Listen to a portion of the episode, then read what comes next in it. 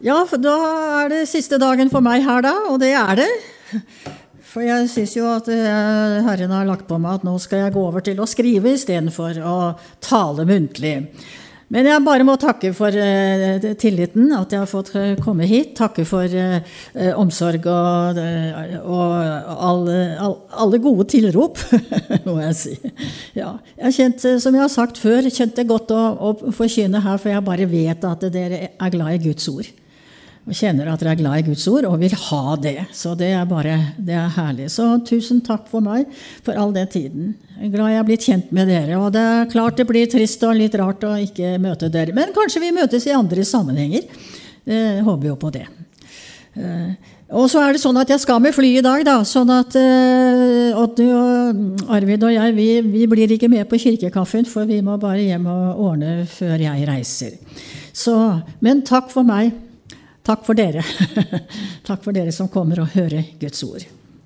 Amen. I går ble det ganske alvorlig, da. Hun forkynte.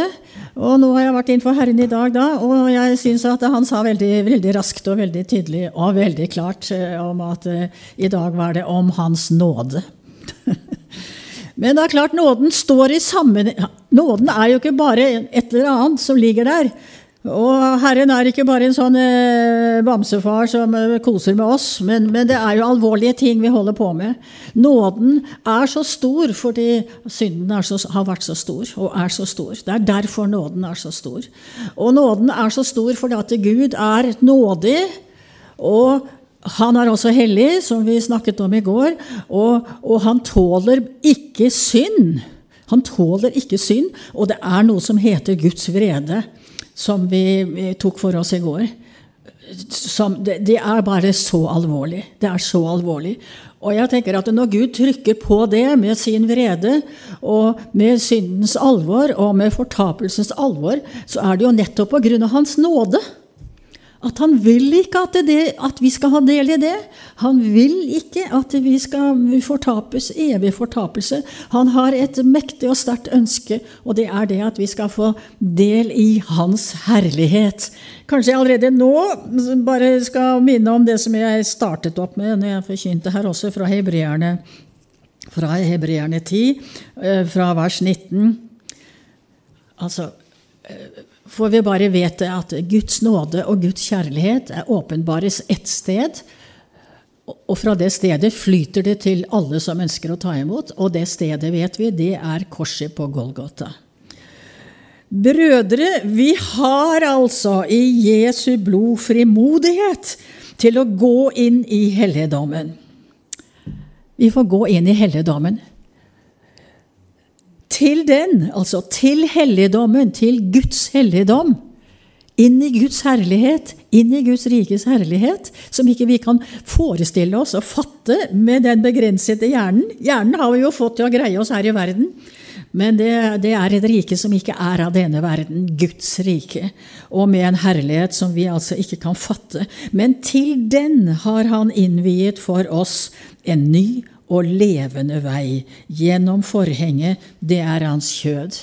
Og det er gjennom den korsfestedes legeme, ved hans blod og ved hans knuste legeme, han som ble knust for våre misgjerninger. En ny og levende vei. Og Jesus er veien, og han er den levende veien.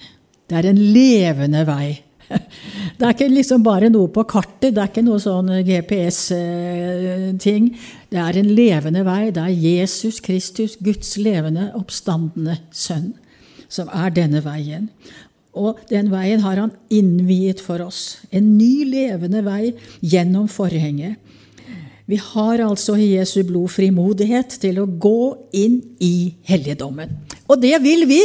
Vi vil gå inn der. Vi vil inn der. Og verden har sin herlighet. Jeg skal ta det på nytt igjen og lese, minne oss om det som jeg har tatt hver eneste gang her, om, om Jesu fristelse, og hvor det blir så tydelig at det er, to, det er valg mellom to muligheter. Det er et valg mellom to riker. Det er Guds rike på den ene siden, og så er det verdens riker på den andre. Og nå har vi bare talt om hvordan altså at Guds herlighet i Guds rike, det kan vi jo bare da ikke fatte. Vi har jo fått pantet på vår arv, Den hellige ånd, så vi har fått en smak, en ørliten antydning av det som ligger foran der. Men så har altså verdens riker også sin herlighet, og det var det og det valget vi står i, det Jesus er fristet til alt liksom oss. Og han er den som har gått foran, han er den som har seiret, han er den som har vist oss eh, eh, det rette valget. Han har vist oss hva som er veien og sannheten og livet. Så da leser vi om Jesu fristelse, den siste delen der, om at igjen tok djevelen ham med opp på et meget høyt fjell. Og jeg gjentar det igjen, altså, at igjen Djevelen holder på! Det er om igjen og om igjen. Han prøver det ene, han prøver det andre, han prøver det tredje. Og han står på igjen. Og han tar mennesker også med. Det skal vi være klar over nå i denne tid hvor New Age, alt det alternativet, er så, gjør så veldig mye av seg, og som er fremme. Det er liksom greit at mediene snakker om det alternative. Det er greit at eh, de får plass på TV osv. Men hvis noen kommer og begynner å snakke om Jesus, så er det ti still, ti still, ti still. Men det alternativet Og det er ikke noe nytt, for det er ifra syndefallet. Det er djevelen som kommer med det. Og, og det er bare det, jeg bare minner om det igjen. Alt overnaturlig, alt som er overnaturlig, det er ikke automatisk eh, Herren. Det er ikke automatisk Den hellige hånd. Også djevelen holder på med åpenbaring og med overnaturlige verk. Og vi vet jo at Jesus eh, eh, advarer jo og sier at det, i den siste tid og forførelsen altså Da vil, da vil djevelen sende sine tjenere ut i, i, i, i kraft, med hell, med overnaturlige tegn og undre og mirakler. Så det er bare igjen en påminnelse. Det er mirakler i seg selv, overnaturlige ting i seg selv, det, det er ikke automatisk Den hellige ånd. Vi må bare kjenne etter er det Jesus. Er det Jesus? Er det etter Guds ord, dette her? Og altså, djevelen, han åpenbarer også, og det er det som står her når han, når han frister Jesus, og også når han frister oss. Han frister oss med åpenbaringer, rett og slett, bare så vi har det helt klinkende klart. Derfor så er det så avgjørende at vi er fortrolige med Guds ord. Vi er fortrolige med Jesus, at vi kjenner igjen hans stemme, at vi kjenner igjen Den hellige ånd, og kjenner ja, men dette er Den hellige ånd, og dette andre, det er ikke Den hellige ånd. Det er noe annet. For det står altså at igjen tok djevelen han med opp på et meget høyt fjell, og jeg har sagt det før, og jeg gjentar det, når det er snakk om å bli tatt opp på høye fjell, så er det snakk om åpenbaring. Vi vet at Jesus tok med seg sine tre nærmeste disipler opp på fjellet og åpenbarte sin herlighet. Sin herlighet. Han ble helt Det var bare lys. Det var bare hvitt, lyst, rent. Full herlighet. Men Satan tar også mennesker opp på høye fjell og åpenbarer for dem. Og hva er det han holder på med? Han holder på med denne verdens rikers herlighet. Eh, altså, Djevelen tok ham med opp på et meget høyt fjell og viste ham alle verdens riker og deres herlighet. Og han sa til Jesus, alt dette vil jeg gi deg dersom du vil falle ned og tilbe meg. Han står klar og vil gi, han òg.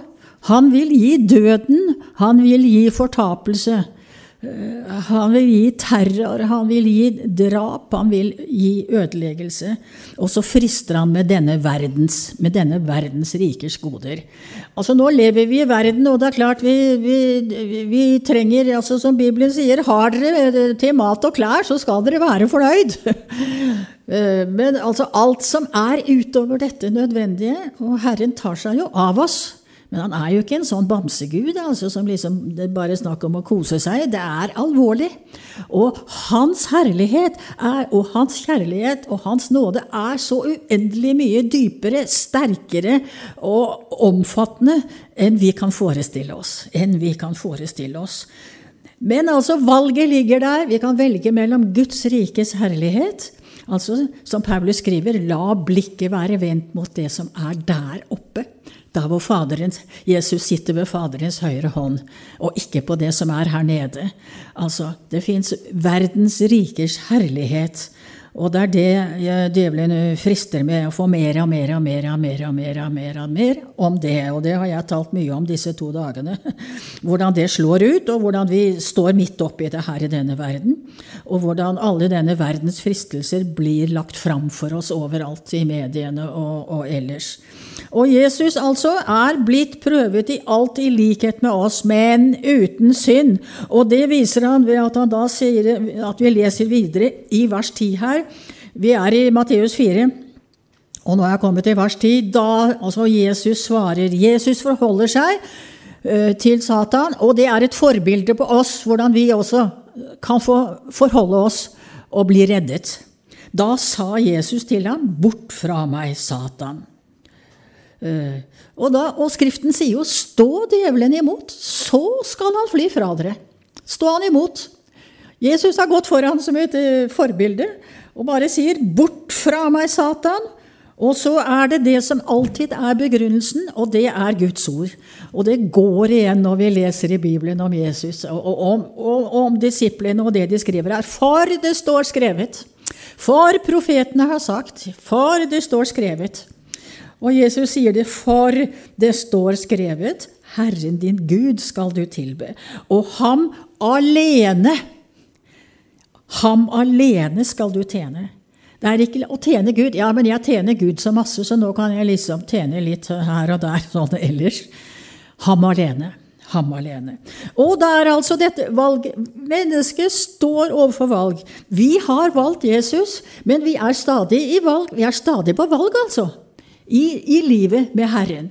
Herren har to mektige ønsker for, i sin kjærlighet, i sin nåde, for alle mennesker. Og det første og det er helt nødvendig, det er forløsningen i Jesus Kristus. Ta imot frelsen i Jesus. Bli satt over fra mørket og inn i hans underfulle lys. Gjenfødelsen. Ta imot syndenes forlatelse. Omvende seg. Snu ryggen til djevelen og ansiktet til Gud og forbli der. Det, så det er klart, Gud vil at alle mennesker skal bli frelst og komme til sannhetserkjennelse. Og så har han ønske nummer to. Og jeg tror det er de to ønskene, det er det som ligger i Guds hjerte. Det er vår helliggjørelse. Vår helliggjørelse. Herren har et mektig ønske om at vi skal komme dypere og dypere inn i livet med Gud, i Jesus, og at Jesus Kristus skal hellige oss helt igjennom til ånd, sjel og legeme. Helliggjørelse. Og hele boken er full av hjelp til det. altså Det er Jesus som gjør det, men han tvinger ikke noe på noen. Så så her, her, han er veien, og ordet er veien. Vi, og det er det han vil. Og det, derfor, og det, er derfor vi forkynner også. Det er derfor vi har fått Guds ord. For å bli frelst og for å bli veiledet videre i, i livet med Jesus. Komme dypere og dypere inn i helliggjørelsen. Og jeg tror, jeg tenker på det når jeg står her også, at dette med helliggjørelse, der er det dette valget. Valget mellom Guds herlighet, Guds ord, Guds råd til oss, Guds bud. Guds bud, for det, det, er Guds bud er inkarnasjonen av Guds herlighet, rett og slett. Og det er inkarnasjonen av helliggjørelsen. Guds bud. Å, det er så strengt, og det er så ditt, og det er så datt. Ja, men altså, det er uttrykk for Guds herlighet og Guds vilje. Så vi står overfor dette valget. Guds herlighet, Guds bud, livet i Jesus, livet i det som Han har behag i, eller denne verdens herlighet. Denne verdens herlighet. Skal vi ta Da kan vi lese i Jakobs brev, fjerde kapittel, eh, hvor det også da, da er det Jakob som skriver. Nå skal vi se. Nå nærmer det seg. Der er vi. Mm. Ja, altså, han formaner. Jeg tenker på hvordan, altså, hva det står om prof, profetier hva, det, hva, hva, profetier består i. Og da vet vi at det, det, er, det er, formaning, altså. Og trøst. Og oppbyggelse. Det ligger i budskapene fra Gud. og Der ligger det formaning. Alvorlig formaning. Mektige formaninger. Altså, Det er ikke silkehansker. Det, det, det, er bare til Ikke noe mer eller mindre. Til saken. Og men så kommer det trøst, da. Formaning og trøst og oppbyggelse. Og det er det Herren vil bringe til menighetene. Det er det Herren vil bringe til sitt folk. Og her kommer det da først en veldig formaning, eller si en veldig påpekning. Altså, for det som også er Den hellige ånds oppgave, er å overbevise om synd. Ja, men det er ikke noe særlig koselig. Nei, men det er heller ikke koselig. Men det er helt nødvendig. Og det er så verdifullt, og det er så oppbyggelig. Så det begynner med, det, Jakob begynner her i, i, dette verset. Så begynner han med denne formaningen og påpekning av synd, overbevisning om synd. Hvorfor det? For å få mennesker til å omvende seg. Vende synden ryggen og vende ansiktet til Gud og bare si jeg vil gjenta det som vi hørte innledningsvis her om ja, men jeg vil gjøre din vilje, Jesus. Jeg vil, jeg vil, at det er din vilje som skal råde i mitt liv. Det er din vilje som skal lede og være ledetråden i mitt liv. Men da kommer først um, overbevisningen om syn her, hvor, hvor, Jakob da sier 'troløse som dere er'. Tjo. Ja, det var ikke særlig, og det klødde ikke i øret. Det klør ikke i øret. Men grunnen til at han sier det, er at han på vegne av Herren at han vil føre oss inn i sin helliggjørelse. Han vil ha oss inn i sin vilje. Og ingen vilje er større og herligere enn bedre enn Guds vilje. Troløse som dere er. Og så sier han, vet dere ikke? Vet dere ikke? Altså, de burde vite det. De hadde all mulighet til å vite det. Og, og vi har all mulighet til å vite hva som er Guds vilje, fordi at vi har fått Guds ord. Vi har fått det svart på hvitt. Svart på hvitt har vi fått Guds vilje her. Troløse som dere er, vet dere ikke at vennskap med verden er fiendskap mot Gud? Og nå som det er så moderne liksom, å relatere til verden og, og liksom, å, bli verden lik for at det, folk kan innbille seg det, mener, det er så dumt, altså. Å innbille seg at hvis vi bare blir mer lik verden og mer verslige og mer og sitter og liksom nipper til vinen og er veldig koselige sånn, at da vil verden bli frelst. Men det er rett og slett omvendt. Vi er kalt til å være lyset i mørket. Vi er kalt til å være noe helt annet. Vi er kalt til noe helt annet enn å, å ha del i, i, det som er verdens rikers herlighet. Vet dere ikke at vennskap med verden er fiendskap mot Gud? Vet vi det? Ja, Skriften sier det. Så da er det veldig lurt at vi ser etter hva ordet sier. Og så ja, men jeg vil gjøre din vilje. Jeg vil være din vilje, Herre. Den som vil være verdens venn, og nå er det rett og slett Du kan høre forkynnelse om at det er så viktig å være verdens venn. Ikke at ikke vi elsker verdens mennesker, for det er helt klart at det gjør vi. Og vår frelser og Herre, som har gått foran oss og er vårt forbilde, han elsket syndere. Ja. Derfor, det er sånn Guds, vil, Guds kjærlighet er åpenbart iblant oss. At Gud sendte sin sønn for å frelse syndere. Kjærligheten til syndere. Kjærligheten til syndere og kjærligheten til verdens syndere er noe helt annet enn kjærlighet til verdens rike kjærlighet. Det er bare to motsatte ting. Troløse som dere er, vet dere ikke at vennskap med verden er fiendskap mot Gud? Den som vil være verdens venn, blir Guds fiende. Så vi, vi, vi, tar, vi, tar, ikke imot den der forkynnelsen som sier at nå skal vi bli veldig verslige, for på den måten blir verden frelst. Det er feil. Det er omvendt. Det er rett og slett eh, det, det, det er en forførelse. Og han fortsetter med å si da i vers 5.: Eller mener dere at det er tomme ord når Skriften sier det er veldig mange som altså mener at det er to mye tomme ord i Skriften.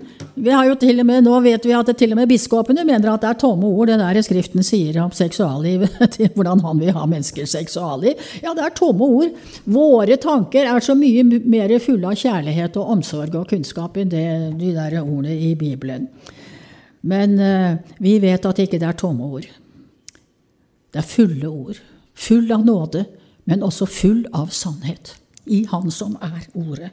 Eller mener dere at det er tomme ord når Skriften sier med nidkjærhet trakter han etter den ånd han lot bo i oss? Herren har latt sin egen hellige ånd bo inni oss mennesker! Jeg mener Er det kjærlighet, eller, eller hva? Han har latt sin egen hellige ånd flytte inn i våre skrøpelige legemer, inn i våre liv. Halleluja. Halleluja. Og med nidkjærhet så er det den ånden, hans ånd, han trakter etter. Livet som er, er ledet og, le, og, og, og, som leves ut ifra Hans hellige ånd i vårt indre. Gud har en nidkjærhet for det. Og det er ikke heller bare en sånn bamsenidkjærhet. Altså, det er en veldig alvorlig nidkjærhet. Og det er en nidkjærhet som altså også forklarer Guds vrede over all synd. Så alvorlig er det. Men han har, en, han har et mektig ønske, en mektig vilje, om at vi skal få vi skal få leve et liv hvor Hans ånd i oss eh, uttrykker seg og lever. At vi lever i Kristus. Kristus i oss ved sin Hellige Ånd. At det, det, er dette livet i Han som skal strømme ut til verden omkring oss. Vet, mener dere at det er tomme ord når Skriften sier 'med nidkjærhet trakter han etter den ånd han lot bo i oss'? Og jeg bare sier halleluja, han har latt sin ånd bo i oss. I deg og i meg. Vi kan ikke fatte det, men sånn er det. Men så kommer neste setning, da, i, i, i vers 6. Og det var jo det jeg også ble minnet om, om Guds nåde. Og så står det Men desto større er nåden han gir. Desto større. Og når vi hører alvorlige, ransakende øh, ord fra Gud, og, hører, og, og får denne, og, og Den hellige ånd overbeviser om synd, så, bare så, vi, så, får vi, så runder av med å si men desto større er nåden han gir. Desto større er nåden han gir. Og derfor sier Skriften Gud står de stolte imot. Hvem er de stolte? Det er vel de som ikke trenger denne nåden, da.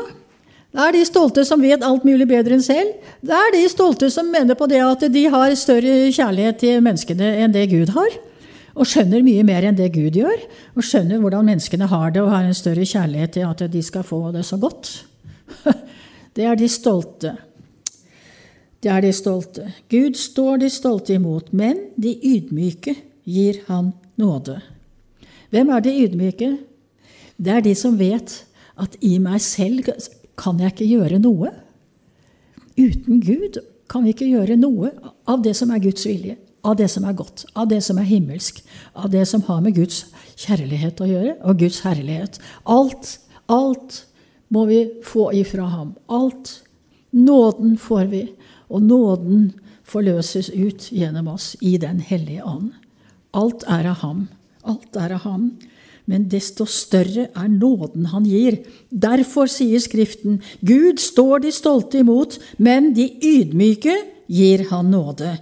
Og så kommer uh, bare det, løsningen på alt dette. Altså virkelig, hvordan skal dette skje? Vær derfor Gud undergitt. Amen. Enkelt og greit. altså, det er jo enkelt altså, det er en veldig enkel resept. Men det er ikke enkelt å leve etter det. Menneskelig sett er det helt umulig. Men det er derfor han også har gitt oss av sin ånd inn i våre hjerter. At ånden skal drive oss. Ånden skal lede oss. Ånden skal lede oss inn i dette og, og, og, og underlegge oss Herren. Vær ham undergitt. Vær derfor Gud undergitt. Punkt 1. Punkt 2. Og det var det som eh, vi leste om i Jesu fristelse. Stå djevelen imot, så skal han fly fra dere. Stå han imot. Og det er bare å si 'jeg vil ikke'. Og djevelen kommer med sine ting, så sier 'nei, jeg vil ikke'. Det kommer ikke på tale. Nei. Jeg hører Herren til. Jeg vil leve i ham, og jeg vil at han skal leve sitt liv ut gjennom meg. Da sa Jesus til ham, bort fra meg, Satan, for det står skrevet, Herren din Gud skal du til med, og ham alene skal du tjene. Og så vet vi at Jesus kom. Ja, vi, vi bare, jeg skal lese det, for det er alltid så godt å lese. Vi kan det utenat alle sammen, men altså, nå, nå, skal jeg bare ta oss og lese det. og ordet ble kjød og tok bolig iblant oss. Og da kan vi bare si ikke bare iblant oss, men i oss.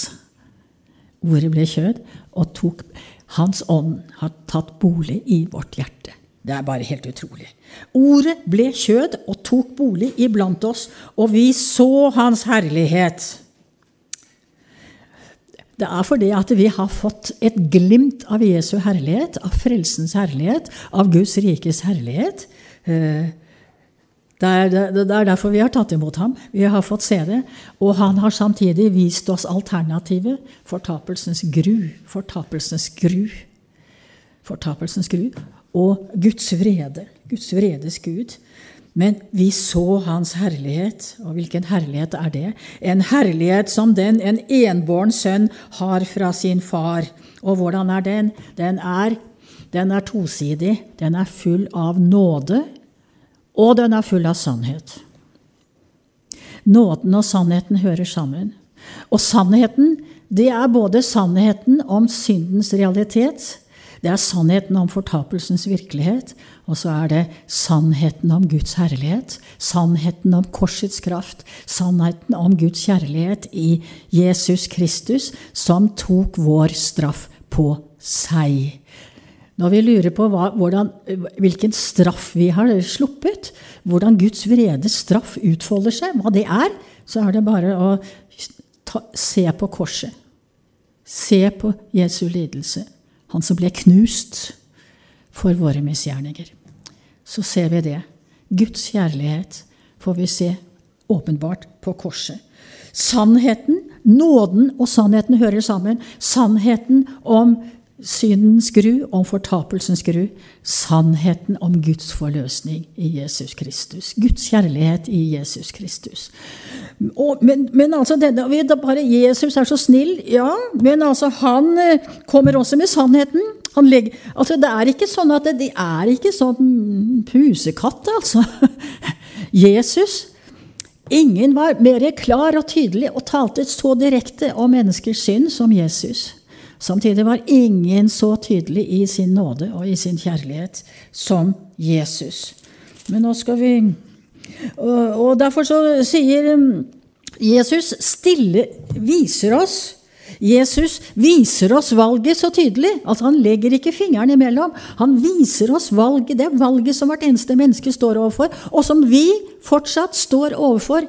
Hvert minutt av vårt liv her på denne jorden så står vi overfor, over, i, stadig overfor dette valget mellom det som har Guds, Guds behag, mellom det som er i Guds rike, og det som er denne verdens rikers herlighet og lyster. Og Derfor så sier Jesus i Matteus 7 og vers 13 Det er oppfordringen til oss også. Og det er oppfordringen til eh, den videre helliggjørelsen, hvor han sier 'gå inn gjennom den trange port'. Altså, det, den er trang. Og det er motsetningen til eh, verdens herlighetsport. Verdens rikers herlighet har også sin port, men der sier Jesus, for den er vi. For vi er den port, og bred er den vei som fører til fortapelsen. Er det sånn det er? Ja, sånn er det. Jesus er sannheten. Han bare sier det. Og han sier det fordi han er nåden personlig. Den inkarnerte nåde. Så sier han det, for han vil ha oss inn på den trange, gjennom den trange porten, at vi skal gå på den trange veien videre. Én ting er å komme gjennom porten og bli født på ny, men det er snakk om å gå videre, og at vi skal fortsette på den trange veien, som menneskelig sett kan by på problemer. som menneskelig sett. Og da tenker jeg på Paulus, f.eks., og hva, hva, Gud sa til Ananias da han skulle gå og be for eh, Paulus. Han sa, 'For jeg vil vise ham alt det han skal lide for mitt navns skyld'. En trang vei. Ja, men han hadde en sånn kjempetjeneste, og det var så fantastisk. Tenk om vi kunne få være som Paulus og alt så, så, så. Nei, jeg tenker vi kan være glad for at vi slipper den tjenesten. Ja. Og det gjelder jo disiplene også, vet vi. Altså, det var jo martyrdøden hele veien. Og det, det Ja, altså det Den veien er trang. Ja, men jeg har sett ham. jeg har sett litt av ham. Vi så hans herlighet. Ja, jeg vil ha han. Jeg vil gå med han. Jeg vil følge etter ham. Jeg husker før jeg ble frelst og, og jeg drev og tenkte på dette med kristendom, og så tenkte jeg altså, hva er kvitsen, som ungene mine sa når de hadde hatt nynorskundervisning på skolen. Altså, hva er vitsen? Hva er vitsen med å følge Jesus? Hva er vitsen med å leve det livet der sånn? Hvor fører det en? Det fører jo bare til kors og gru og ødeleggelse. Ikke noe særlig å stå etter. Altså, menneskelig sett totalt håpelig. Men åndelig sett så vet vi bare altså vi, Det må åpenbares. Vi må opp på fjellet med Jesus og få den åpenbaring at det er herlighetens vei. Det er herlighetens vei. Det er en evighetens herlighet. Så Jesus sier, 'Gå inn gjennom den trange port'. Altså, det er nesten en befaling. Det er nådens befaling. Gå inn gjennom den trange port. Hvorfor det? Jo, fordi vi er den port, og bred er den vei som fører til fortapelsen. Og mange er de som går inn gjennom den. Og så kommer eh, herlighetens port. For trang er den port, og smal er den vei som hva da? Som fører til livet. Livet med Herren, livet hos Herren, livet i herligheten i all evighet. For trang er den port, og smal er den vei som fører til livet, og få er de som finner den. Men vi hører til de få. Vi vil det. Ja, jeg vil gå på den trange veien. Og da bare vet vi at eh, da kan det skje Altså, Vi lever jo så uh, lettvint holdt jeg på å si, her i Norge. Vi, vi, blir jo ikke forfulgt. Men det, det er ikke bare, var ikke bare disiplene som led og ble martyrer. Men vi leser jo altså Det er jo sånn nå i de andre verdensdelene. Mennesker blir jo hver dag Det er bare å lese bare, det er bare å lese i avisen, det er bare å kikke på nettet. Så ser vi at ja, nå er så og så mange kristne blitt drept, nå er så og så mange blitt terrorisert, nå er så mange blitt eh, bombet i kirkene sine, osv., osv. Jeg er glad jeg ikke bor der, liksom. Ja. Men altså, det koster å følge Jesus. Og, og Jesus uh, han, eh, altså han, han, han, gjemmer ikke bort dette her. Han, eh, han forbereder oss på. Altså, han, la, altså han snakker oss ikke bare etter munnen, men for at vi skal kunne velge rett. For at vi skal kunne velge rett mellom Guds herlighet, Guds rikes herlighet og denne verdens rikers herlighet, så, så, så viser han oss han, han sier det helt klart. Altså, Humanetikere vil jo si nei, men han er jo grusom, og hva er dette for noe, liksom? Tenk å snakke på den måten. Og vi tør jo ikke snakke sånn som Jesus snakker om, om fortapelsen. Vi tør ikke bruke ordet helvete, ta det i vår munn i det hele tatt, vi. Men Jesus turte det. Han som er sannheten, og han som er nåden. Den som for, Jesus sier, det er Matteus 9, 42, 'Den som forfører en av disse små som tror på meg'. Og da bare sier jeg at de små, det er ikke bare, det er ikke liksom babyene vi har her, og barna som vi har her. Det er det også. Men det, alle som har bøyd seg for Jesus og tatt imot, da er, vi, da er vi de små. Vi er de små. Vi er de små. Guds barn er de små. De troende er Guds små Guds små Guds barn. Guds små barn. Guds små barn. Den som forfører en av disse små som tror på meg Nå er det ikke nåden vi får høre. Ja, det er en nåde. Jo, nåden ligger i at han advarer mennesker mot å gjøre det mot oss. Ja. Og han advarer dem mot å gjøre det mot seg selv. For hvis de gjør det, så, eh, så, ødelegger de seg selv. For den som forfører en av disse små som tror på meg, for ham var det bedre om det var hengt en kvernstein om halsen hans, og han var kastet i havet. Hvordan er det han snakker? Ja. Tør vi å snakke sånn som Jesus? Om din hånd frister deg, da hogg den av. Altså Nå er jo det i overført betydning, da. Jeg traff en psykiater en gang som fortalte om en psykiatrisk pasient som hadde rett og slett gjort det. Men, det, men da bare skjønner vi det er ikke det Jesus vil, at vi skal begynne å hogge av oss armer og bein og ta ut øynene.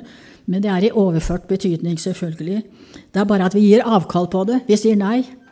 Om din hånd frister deg, da hogg den av. Det er å si nei til verdens fristelser.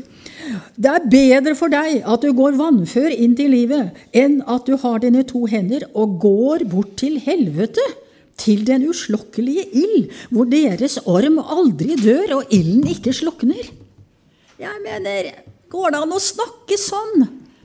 Der er det Han som er nåden og sannheten vi hører. Det er han som gikk inn i tempelet og demonstrerte Guds vrede over denne verdens rikers herligheter, og bare feide bort eh, pengevekslernes bord, ikke sant? Og bare pisket ut dyrene som de drev og solgte og tjente penger på. Synlig bilde på Guds vrede over frafallet, rett og slett. Det er han som sier dette. Vi tar det til etterretning. Vi tar det til etterretning. Men da bare vet vi at um, det, Guds nåde, livet i Gud, den herligheten er ikke som verdens rikers herlighet. Altså Nå er han med oss alle dager.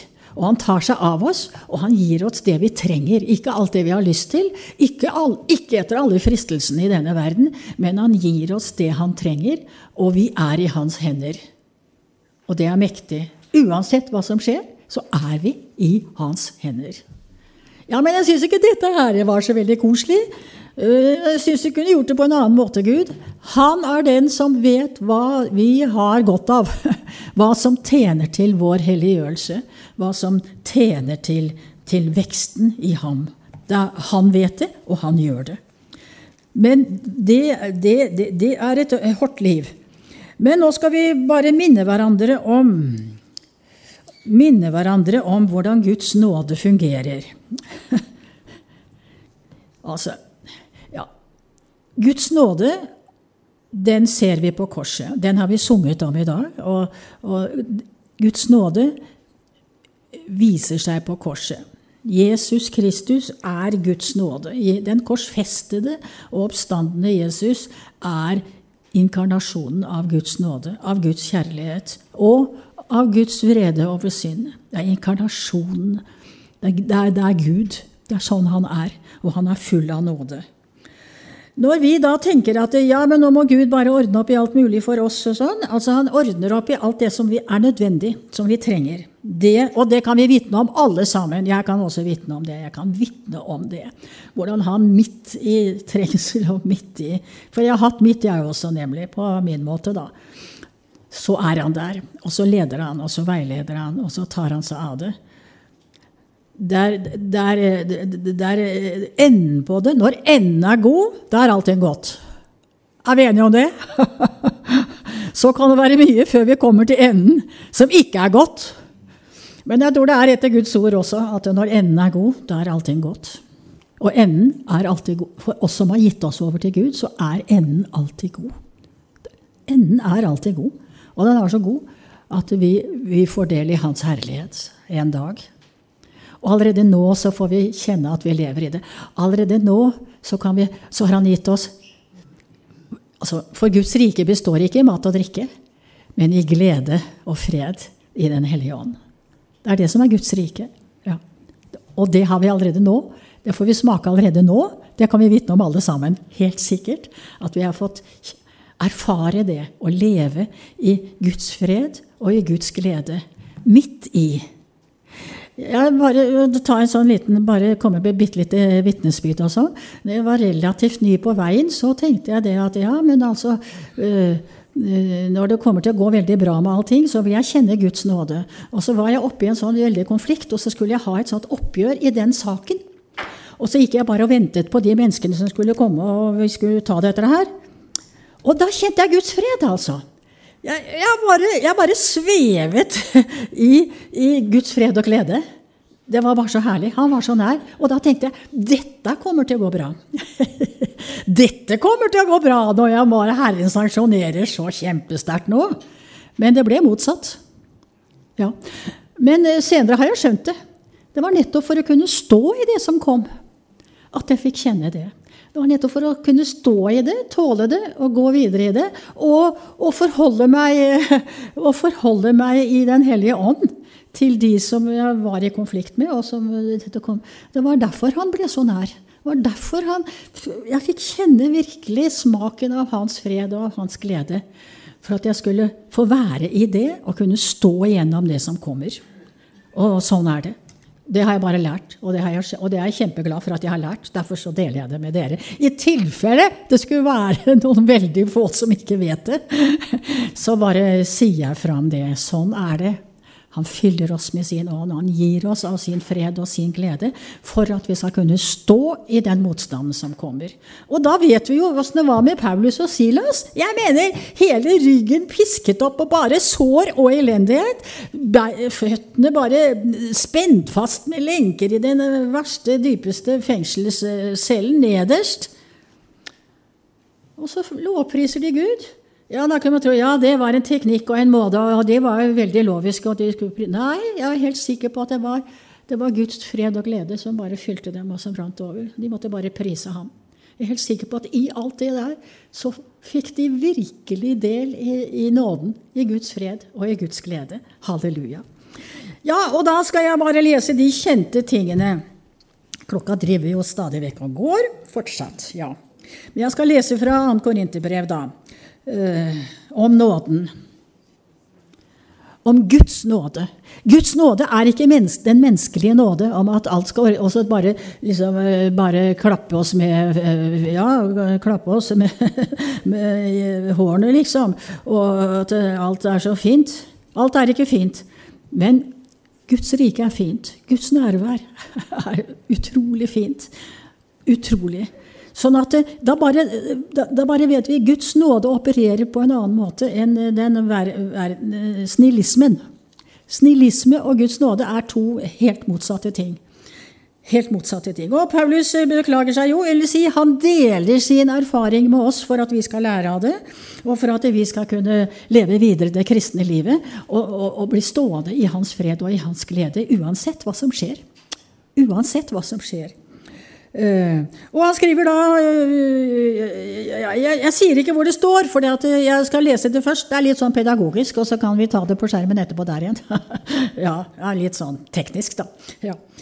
Og han skriver jo Og for at jeg ikke skal opphøye meg ja, Det er helt nødvendig. Det er, det er, veldig, det er godt tips, altså. At, og når vi ofte ser på kristen TV, og sånn, så bare hører vi folk som sier 'Å, jeg har gjort så masse, og jeg har hatt vekkelse der, og jeg har helbredet så og så mange, og jeg har, og det er, og pengene har strømmet inn, og alt, og alt dette har jeg, og alt dette har jeg, og alt dette har jeg'. Det er å opphøye seg selv. Men altså, Herren har en medisin mot det. For det er ikke etter hans vilje. Den som opphøyer seg selv, skal fornedres. Og den som fornedrer seg selv, skal Gud opphøye. Det er, det er ikke verdens rikers herlighetsliv, men det er Guds rikes liv. Det er Guds rikes liv. Så kan vi velge. Så kan vi velge. Ja, Så da sier Paulus altså Og for at jeg ikke skal opphøye meg. Ja, det har han skjønt. Han hadde mye å opphøye seg over. Er det noen som har tjent Herren sterkere enn Paulus? Det, altså, han har brakt evangeliet til oss. Vi sitter her på grunn av hans tjeneste. Og ikke bare, ikke bare meg, meg, meg, meg, meg, og oss, oss, oss. Men altså folkemasser. Evangeliet kom ut, altså. Og han har gitt oss av Guds ord. Jeg mener, noe, Han hadde all grunn til å opphøye seg. Men for at jeg ikke skal opphøye meg, sier han, av de overmåte store åpenbaringer. Og det også er noe, Når vi får åpenbart noe av Gud, når Han åpenbarer seg for oss og åpner ordet for oss Vi kan sitte og fryde oss i det åpenbarte ordet. Eh, og da vet vi at ordet må åpenbares ved Den hellige ånd. Jeg, jeg behøver ikke å si det, men dere vet det. Altså Paulus, som altså var teologisk ekspert, det grande, altså. Han hadde jo studert ved Gamalias føtter, og han var jo så lærd, og han kunne ord, han kunne Skriften utenat. Og Skriften er full av Jesus. Det gamle testamentet er proppfull av Jesus. Men altså, det måtte åpenbares. Han så det ikke. Så møtte Jesus ham. Og etter tre dager Og da ble han som død. Han jo, da ble han blind, og det var fordi han var jo åndelig blind. Han var åndelig blind helt til Gud sendte eh, Ananeus eh, for å legge hendene på han og formidle Den hellige ånd. Og det gjorde han, og da fikk han syn igjen. Og dagen etter, da han hadde kommet seg etter alt dette, da var han i gang i, i synagogen altså, og underviste om at Jesus var Messias. Han overbeviste dem. Han som hadde all teologisk kunnskap, han hadde bare ikke sett det. Og så var det Den hellige ånds berøring av hans øyne og av, av, ham, og at han fikk Den hellige ånd og tok imot Jesus. Så så han det. Da så han det. Åpenbaring. Vi er, helt, vi er helt avhengig av åpenbaring. Når vi leser Guds ord, så er det bare én ting å gjøre. Det er å sukke til Gud og stønne og si å, du du må vise meg det. Du må åpne det. Og vi vet jo at Jesus Tenk på det! Disiplene som hadde levd tett med Jesus døgnet rundt i tre år, de hadde jo heller ikke sett noe om han i, det, i Skriftene. Ikke i det hele tatt. Så tar ja, Lukas 24 han tar dem bare for seg. Og, og Hemmausvandrerne og viser dem i hele Skriften, hos alle profetene, fra Moses av, at det står om han. Åpenbaring. Vi er helt avhengig av Den hellige ånds åpenbaring. Og det er ikke noe han heller vil, Gud, enn å gi oss det. Jesus vil gi oss det, og han gir oss det. Når vi ydmyker oss, når vi vet at nei, men dette kan ikke hjernen min, dette kan ikke jeg Altså, Jeg er jo akademiker og har jo studert i årevis, om ikke teologi, så kroppen altså. Men, eh, men altså, jeg så det ikke. Nei, det er Åndens åpenbaring. Det er Den hellige ånd som åpner Skriftene. Han åpnet Skriftene for dem. Det er nåde. Det er nåde fra Gud. Han åpnet Skriftene for det og viste dem at det sto om han hos alle profetene, fra Moses av og opp. Og han gjør det fortsatt. Han gjør det med oss. Hvis vi vil ydmyke oss, hvis vi syns at 'nei, men jeg er så klok', og jeg har studert teologi, og jeg er prest og biskop, og jeg har holdt på jeg, jeg, Dette kan jeg, liksom. Da, da blir det ikke noe åpenbaring, altså. Så kommer det enkle mennesker som ikke har Selv dåren skal ikke fare vill, for det er ikke hjernen det kommer an på når det gjelder Guds rike. Takk og lov. Det er ikke antall hjerneceller. Det er ikke antall forbindelser mellom hjernecellene. Men det er Guds hellige ånd. Det er Guds nåde. Så da sier jo Paulus for at jeg ikke skal opphøye meg av de overmåte store åpenbaringer, så har jeg fått en torn i kjødet. Da, det, det, er en eller annen type lidelse, og det, det, har jo liksom teologene drevet og spekulert og ment masse om, men det er ikke noe å mene å spekulere om i det hele tatt, for det er ikke det det går på, hva det var, men det går på selve dynamikken i det, drivkraften i det. For en Satans engel! Der, skal vi se, nå skal vi bare ta det helt riktig. Jeg har fått en torn i kjødet, en Satans engel, som skal slå meg. Hvorfor det? For at jeg ikke skal opphøye meg. Og da skjønner vi det er fra Gud. Altså Faktisk Gud kan tillate Satan å slå et menneske. Fordi han vet at det er noe som er enda viktigere enn å slippe ubehag, og det er å slippe å opphøye seg selv. Det er å komme inn i ydmykheten innenfor Herren. Det er det største, og det er det viktigste. Hvorfor det? Altså en Satans engel som skal slå meg, Hvorfor det? For at jeg ikke skal opphøye meg. Om denne, altså om denne lidelsen, om denne tornen i kjødet, skriver jo Paulus, så ba jeg Herren tre ganger om at den skulle vike fra meg.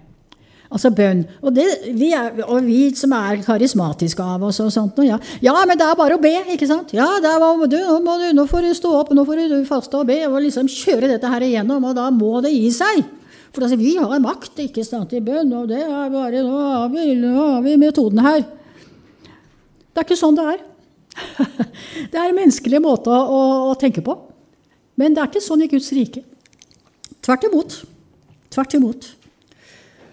Altså, der hadde han den, den religiøse tanken om at dette her var det bare å be til Gud om. Og hvis det ikke gikk første gangen, så var det bare å holde på. I hvert fall tre ganger. Om denne ba jeg Herren tre ganger at den måtte vike fra meg. Men Men Altså, Guds veier er ikke våre veier. Guds veier og Guds tanker er så mye høyere enn menneskenes tanker og menneskets veier som himmelen er over jorden. ikke sant? Jesajas 55. Men han, og det er Herren, men han sa til meg Og det er jo dagens budskap, da. Min nåde er nok for deg. Amen. Kan vi tro det? og troen er jo en gave fra Gud, og troen kommer av hørelsen av Guds ord. Så nå har vi, eh, nå har vi fått en mulighet til å, å, å tro det enda sterkere enn vi gjorde før. Men han sa til meg Og når jeg leser det, så tenker jeg også Han er så personlig. Han har en sånn omsorg. Han bøyer seg ned til hver enkelt av oss. Hvert enkelt kjødelige menneske. Så tar han bryderiet. Han bøyer seg ned, og han taler til hver og en av oss helt personlig. Helt personlig. Men han Og det er Herren, altså. Herren sa til meg. Herren sa til meg. Altså, det er bare så fantastisk. Det er så sterkt. Men han, Og det er ikke bare Paulus. Det, dette er livet med Gud. ikke sant? Det, dette er å være Guds barn. Dette er å ha Jesus som herre. Dette er å være født på ny. Dette er, Og han bor ved troen i vårt hjerte, så han har ikke så, han har ikke så lang vei for å snakke til oss. det er, altså, Han snakker fra Jeg peker der, men egentlig eh, hjertet ligger her. her ifølge, eh, ja, ifølge Guds ord så gjør det det. Det er ikke lang vei. Det er derfra også opp til, til bevisstheten. Men han sa til meg, 'Min nåde er nok for deg'. Hvorfor det? For min kraft. Altså, Vi er ute etter kraft, vi er ute etter suksess, vi er ute etter å få det til. og virkelig... Men så er det snakk om Guds kraft. Uten meg kan dere intet gjøre. Det er snakk om Guds kraft. Og, og det, det, det, er ikke menneskekraft, altså. Og det er ikke atomkraft. Det, men det er sterkere enn atomkraft. Men det er ikke det. Det er Guds kraft. Det er det, det eneste som har muligheten til å forandre mennesker.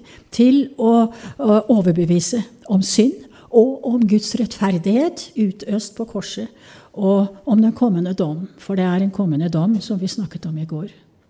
Guds kraft. Er bare Guds kraft. Den hellige ånds kraft. Men han sa til meg, 'Min nåde er nok for deg.' Amen. For min kraft fullendes i svakhet. Min kraft fullendes i skrøpelighet. Og da, da Paulus tok imot. Han tok imot Guds ord. Det, er jo, det, det er jo hinderet at ikke vi Nei, men altså, det får jeg være måte på. Det kan ikke være Gud. dette her, Han elsker meg, og han vil jo ikke at jeg skal ha det sånn og sånn. Og sånn. Han tok imot. Han tok imot. Og Derfor så fortsetter han og sier 'derfor'. Hvorfor det? Fordi at han sa til meg 'men'. Han sa til meg 'min nåde er nok for deg', for min kraft fullendes i skrøpelighet'. Derfor da må vi bare spørre oss selv er jeg villig til å ta imot Guds ord, det som han sier til meg. Er jeg villig til å ta imot det og virkelig gjøre det til mitt og forholde meg til det og ta imot det med stor glede? Er jeg villig til det? Derfor vil jeg helst rose meg av min skrøpelighet, for at Kristi kraft kan bo i meg. Derfor er jeg vel tilfreds i skrøpelighet.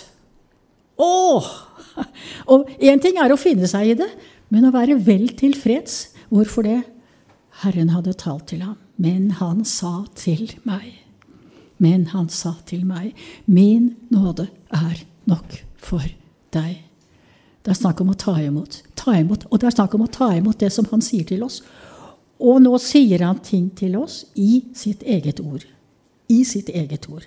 Men han sa til meg, min nåde er nok for deg, for min kraft fullendes i skrøpelighet. Derfor vil jeg helst rose meg av min skrøpelighet, for at Kristi kraft kan bo i meg. Og denne Kristi kraft det er ikke bare at å, endelig kan jeg gå rundt og gjøre mirakler og helbrede. Det er ikke det, men det er kraften til å leve det hellige livet i Jesus Kristus. Det er kraften til å etterfølge ham.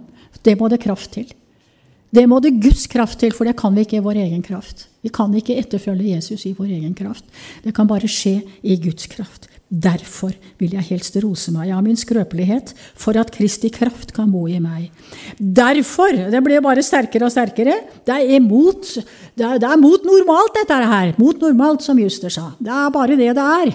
For nå kommer Derfor er jeg vel tilfreds i skrøpelighet under mishandling Vel tilfreds under mishandling. Au, altså. Vel tilfreds under mishandling. Hvorfor det? For han sa til meg. Han sa til meg. Vel tilfreds mis, under mishandling, i nød, i forfølgelser og trengsler for Kristi skyld. For når jeg er skrøpelig, da er jeg sterk, og det er i Den hellige ånd. I Den hellige ånd. Min nåde er nok for deg, for min kraft fullendes. Min kraft fullendes. Halleluja. I skrøpelighet. Ja. Og ordet ble kjød og tok bolig iblant oss. Og vi så hans herlighet. En herlighet som den en enbåren sønn har fra sin far, full av nåde og sannhet. Full av nåde og full av sannhet. Og vi så hans herlighet. En herlighet som den en enbåren sønn har fra sin far. Full av nåde, full av sannhet. Og han sa til meg, Min nåde er nok for deg, for min kraft fullendes i svakhet. Amen. Takk, Jesus. Takk, himmelske Far. Takk at du viser oss det. Takk at du åpenbarer deg for oss. Takk at du åpenbarer ditt rikes herlighet for oss, Jesus. Og takk for at det er du som fører oss videre inn i det. Det er du som helliger oss. Det er du som veileder oss. Det er du som arbeider med oss. Det er du som fører oss videre inn i ditt rike. Jeg takker deg, og jeg priser deg. Takk at ikke vi er overlatt til oss selv, men til din elskede Sønn, Jesus Kristus, vår Frelser og vår Herre. Amen.